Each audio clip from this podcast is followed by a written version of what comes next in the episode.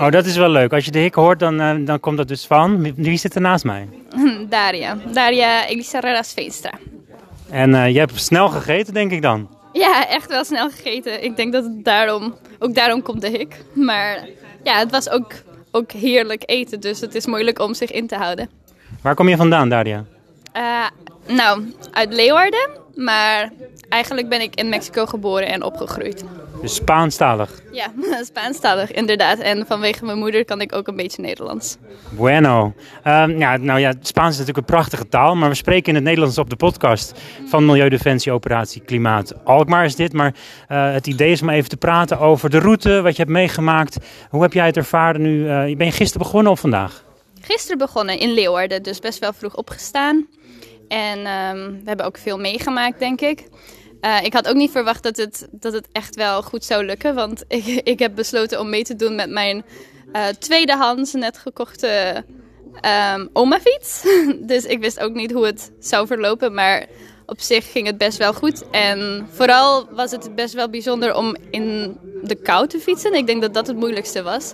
Maar het is altijd wel leuk met zo'n mooie groep die echt gemotiveerd is.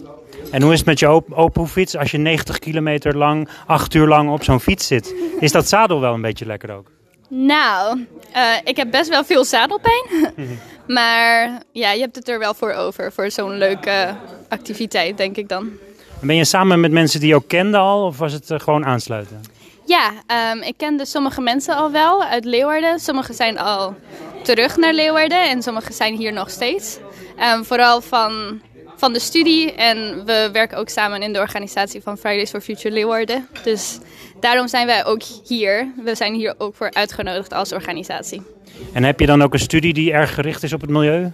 Best wel, ja. Um, de studie die heet Global Responsibility and Leadership.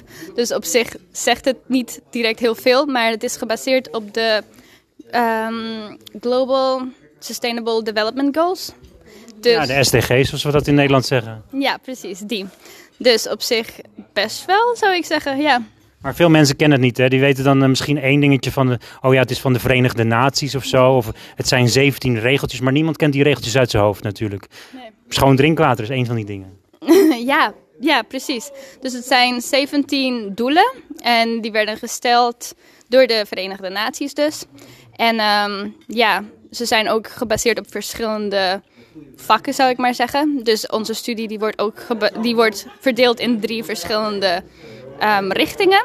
Dus wij hebben de humanitaire richting, dus wereldgezondheid hoort daarbij.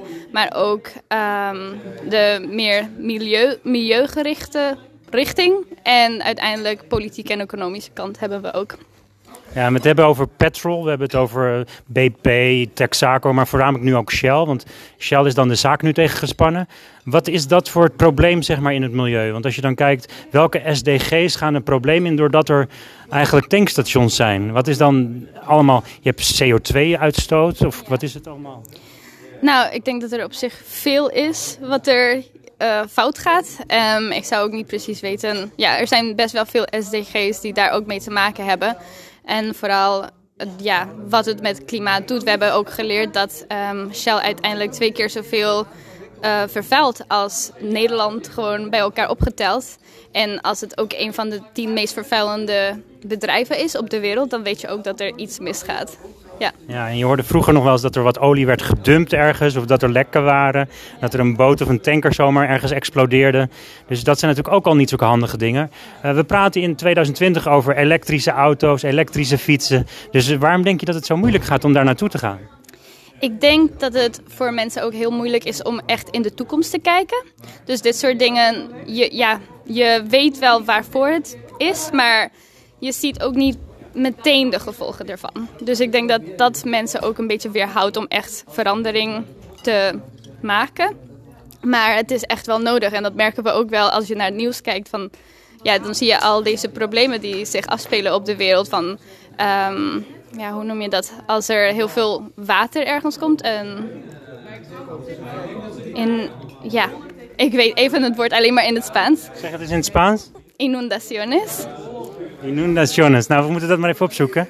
In ieder geval, de intentie is heel goed. We willen dus Shell laten weten dat het beter kan, de klimaatzaak. Um, In het kort is dat natuurlijk in 1 december begint het. Dan zijn er een aantal zittingsdagen. En dan gaat de rechter natuurlijk een besluit nemen wat Shell misschien zou kunnen veranderen. Maar denk je dat het veel impact gaat hebben?